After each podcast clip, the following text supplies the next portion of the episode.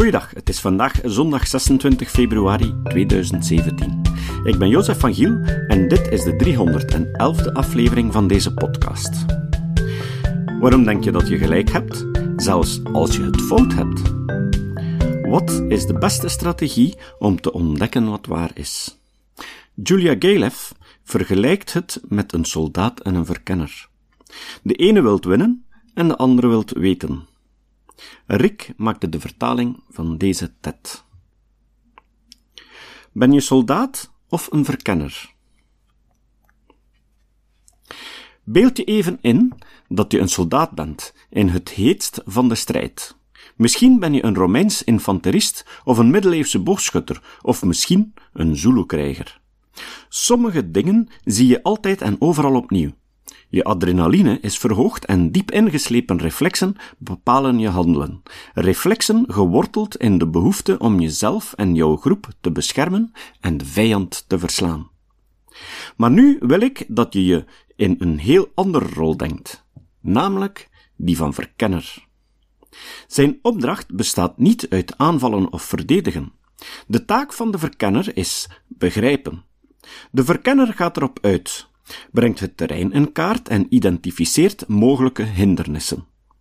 En de verkenner hoopt bijvoorbeeld een brug te vinden op een geschikte plaats over de rivier. Maar bovenal wil hij weten wat er allemaal echt is. En wel zo nauwkeurig mogelijk. In een echt leger zijn zowel de verkenner als de soldaat belangrijk. Maar je kan elk van deze rollen ook zien als een ingesteldheid. Een metafoor voor de wijze waarop wij informatie en ideeën in ons dagelijks leven verwerken. Ik wil vandaag aantonen dat een goed oordeel, het maken van juiste voorspellingen en goede beslissingen, vooral afhangt van je ingesteldheid. Om dit te illustreren neem ik je mee terug naar Frankrijk in de 19e eeuw, waar een onschuldig lijkend stukje papier een van de grootste politieke schandalen ooit veroorzaakte. Het werd in 1894 gevonden door officieren van de Franse generale staf. Ze vonden snippers in een prullenbak, maar toen ze ze terug aan elkaar plakten, ontdekten ze dat iemand van hen militaire geheimen aan Duitsland had verkocht. Ze startten een groot onderzoek en al gauw concentreerde alle verdenking zich op een zekere Alfred Dreyfus. Hij had een onbesproken reputatie, geen crimineel verleden en geen enkel bekend motief. Maar Dreyfus was de enige Joodse officier met deze rang in het leger, en spijtig genoeg was in die tijd het Franse leger erg antisemitisch. Ze vergeleken Dreyfus' handschrift met dat op het briefje en besloten dat het ermee overeenkwam. Zelfs al hadden onafhankelijke professionele experts hun twijfel geuit over de gelijkenis. Maar dat deed niet ter zake. Ze onderzochten Dreyfus' appartement op zoek naar bewijzen voor spionage. Ze onderzochten zijn papieren, maar konden niets vinden. Dat overtuigde hen dat Dreyfus niet alleen schuldig was, maar ook geniepig, omdat hij elk bewijs had laten verdwijnen voordat ze het konden vinden. Dan gingen ze zijn persoonlijke geschiedenis navlooien op zoek naar belastend materiaal. Ze spraken met zijn leraars, ze vonden dat hij op school vreemde talen had geleerd, wat zijn neiging aantoonde om later met vreemde regeringen te gaan samenwerken. Zijn leraars zegden ook dat Dreyfus bekend stond om zijn goed geheugen. Verdacht toch? Omdat een spion nu eenmaal een hoop dingen moet onthouden. Er kwam een gerechtszaak en Dreyfus werd schuldig bevonden. Later namen ze hem mee naar een openbare plaats waar op rituele wijze de kentekenen van zijn uniform werden gerukt en zijn zwaard in tweeën gebroken. Dit werd bekend als de degradatie van Dreyfus. Hij kreeg levenslang op het gepast genaamde Duivelseiland, een onvruchtbare rots bij de kust van Zuid-Amerika. Daar ging hij naartoe en bracht er zijn dagen door alleen met het schrijven van hopen brieven naar de Franse regering met de wanhopige vraag om zijn zaak te herbekijken. Maar meestal beschouwde Frankrijk het als een afgedane zaak. Wat me echt boeit aan de Dreyfus-affaire is de kwestie waarom de officiers zo overtuigd waren dat Dreyfus schuldig was. Ik bedoel, je zou kunnen denken dat ze hem erin wilden luizen, dat ze hem zochten. Maar geschiedkundigen zien het anders. Voor zover we weten, geloofden de officiers oprecht dat de zaak tegen Dreyfus waterdicht was. Dan vraag je je af, wat zegt het over de menselijke geest dat we zo'n armzalig bewijs overtuigend genoeg vinden om een man te veroordelen? Wel, dat is wat wetenschappers gemotiveerd redeneren noemen. Het is het verschijnsel waardoor onze onbewuste motivaties, onze verlangens en angsten bepalen hoe we informatie interpreteren. Bepaalde informatie, bepaalde ideeën lijken wel onze bondgenoten. We willen dat ze het halen. We willen ze verdedigen. En andere informatie of ideeën zijn dan de vijand, en die willen we afschieten. Daarom noem ik gemotiveerd redeneren de soldaat-ingesteldheid. Waarschijnlijk heeft niemand van jullie ooit een Frans-Joods officier vervolgd wegens hoogverraad, veronderstel ik. Maar misschien heb je wel de sport of de politiek gevolgd en opgemerkt dat als de scheidsrechter jouw team bijvoorbeeld op een foutje betrapte, je erg gemotiveerd was om hem terecht te wijzen. Maar als je oordeelde dat het andere team in fout was, super, dan was het terecht. Niet te nauw kijken. Of misschien las je een artikel of een studie over een of ander controversieel standpunt als de doodstraf. Onderzoekers hebben aangetoond dat als je voor de doodstraf bent en de studie aantoont dat ze niet effectief is, je zeer gemotiveerd bent om allerlei redenen te zoeken om aan te tonen dat er wat aan het onderzoek schortte. Maar als je aantoont dat de doodstraf werkt, is het een goede studie. En omgekeerd, als je niet voor de doodstraf bent, van hetzelfde. Ons oordeel wordt onbewust sterk beïnvloed door wie we graag zien winnen. En dat is algemeen. Dat bepaalt hoe dat we denken over onze gezondheid, onze relaties, hoe we stemmen, wat we rechtvaardig of ethisch vinden.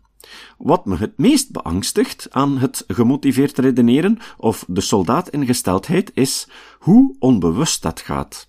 We kunnen onszelf objectief en rechtvaardig vinden en er toch toekomen het leven van een onschuldige man te ruïneren. Maar gelukkig voor Dreyfus is daarmee de kous niet af. Kolonel Picard, ook officier van hoge rang in het Franse leger, nam zoals bijna iedereen aan dat Dreyfus schuldig was. Zoals de meeste mensen in het leger was hij ook een beetje antisemitisch. Maar op een bepaald ogenblik begon Picard te denken: wat als we nu eens allemaal fout zijn over Dreyfus? Hij had namelijk ontdekt dat het spioneren voor Duitsland was blijven doorgaan, ook toen Dreyfus gevangen zat. En hij had gevonden dat het handschrift van een andere officier perfect overeenkwam met dat op het briefje, veel beter dan het handschrift van Dreyfus. Hij deelde wat hij gevonden had met zijn oversten, maar tot zijn ontsteltenis negeerden ze het, ofwel kwamen ze af met vergezochte rationalisaties voor zijn ontdekking, zoals wat je eigenlijk hebt aangetoond, Picard, is dat er een andere spion is die het handschrift van Dreyfus heeft leren nabootsen en de fakkel van het spioneren overnam na Dreyfus' vertrek. Maar Dreyfus blijft schuldig. Uiteindelijk slaagde Picard erin om Dreyfus vrij te pleiten. Het kostte hem tien jaar, en een deel van die tijd zat hij zelf in de gevangenis wegens ontrouw aan het leger. Veel mensen vinden dat Picard eigenlijk niet de held van dit verhaal mag zijn, omdat hij antisemiet was. En ik geef toe dat dat niet goed is. Maar persoonlijk vind ik dat het feit dat Picard een antisemiet was, zijn verdiensten alleen maar groter maakt. Hij had dezelfde vooroordelen, dezelfde redenen om bijvoorbeeld te zijn als zijn mede-officieren, maar zijn motivatie om de waarheid te vinden en uit te brengen overtroefde dat allemaal. Daarom is Picard voor mij een voorbeeld van wat ik de verkenner-ingesteldheid noem. Zijn drang om niet het ene idee te laten winnen ten koste van het andere, maar om te willen zien wat er echt aan de hand was en wel zo eerlijk en nauwkeurig als mogelijk, zelfs als het niet mooi is, goed uitkomt of prettig is. Dit soort ingesteldheid is mijn favoriet. Ik ben er de laatste paar jaar mee bezig geweest om uit te vissen wat je tot een verkenner maakt. Waarom kunnen sommige personen, tenminste af en toe, hun eigen vooroordelen en motivaties doorbreken en proberen de feiten en het bewijsmateriaal zo objectief mogelijk te bekijken? Het antwoord is emotie. Zoals de soldaat-ingesteldheid geworteld is in emoties als defensief zijn of een eigen volk eerst mentaliteit, is de verkenner-ingesteldheid dat ook. Alleen gaat het om verschillende emoties. Zo zijn verkenners nieuwsgierig. Ze zullen verrukt zijn door het vinden van nieuwe informatie of graag raadsels oplossen. Ze zullen geïntrigeerd zijn als ze iets tegenkomen dat hun verwachtingen tegenspreekt. Ook hun waarden zijn anders. Ze zullen het deugdzaam vinden hun eigen overtuigingen te testen en zullen niet zo vlug beweren dat iemand die van mening verandert zwak lijkt. Bovenal houden verkenners beide voeten op de grond, wat betekent dat hun eigen waarde als persoon niet gebonden is aan gelijk of ongelijk hebben over wat dan ook. Ze zullen dus geloven dat de doodstraf werkt. Als onderzoek echter hun ongelijk aantoont, zullen ze zeggen: Ha, het lijkt erop dat ik het verkeerd voor had. Dat betekent niet dat ik slecht of dom ben. Van dit soort trekken hebben onderzoekers ontdekt, en ik af en toe ook, dat het een goed oordeel voorspelt.